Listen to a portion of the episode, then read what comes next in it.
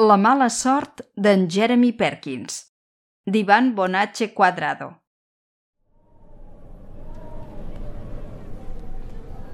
El mestre està davant dels alumnes amb la mà closa amb un munt de petits branquillons. Per ordre alfabètic, n'extreu un cadascun fins que a en Jeremy Perkins li toca el més curt de tots.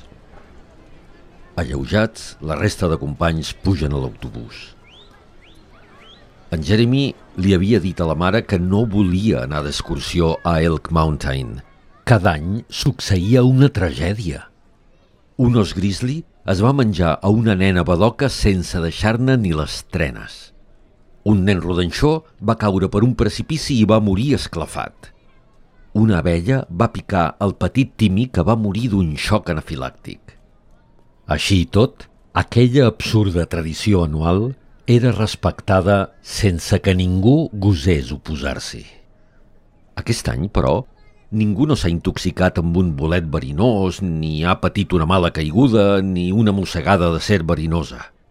Res. I, és clar, els professors estan espantats. Si s'emporten el mal averany a l'escola, les conseqüències poden ser desastroses. Això, mentre s'allunyen de l'esplanada i deixen en Jeremy Perkins abandonat a la seva sort, saben que ho fan pel bé de tots. Què explicaran a la família i a les autoritats pertinents quan arribin a casa? Ja ho rumiaran durant el llarg camí de tornada.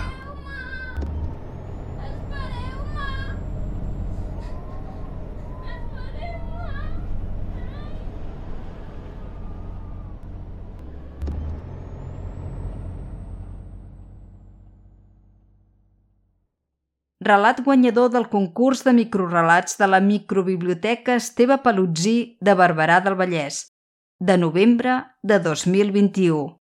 Enregistrament en veu alta.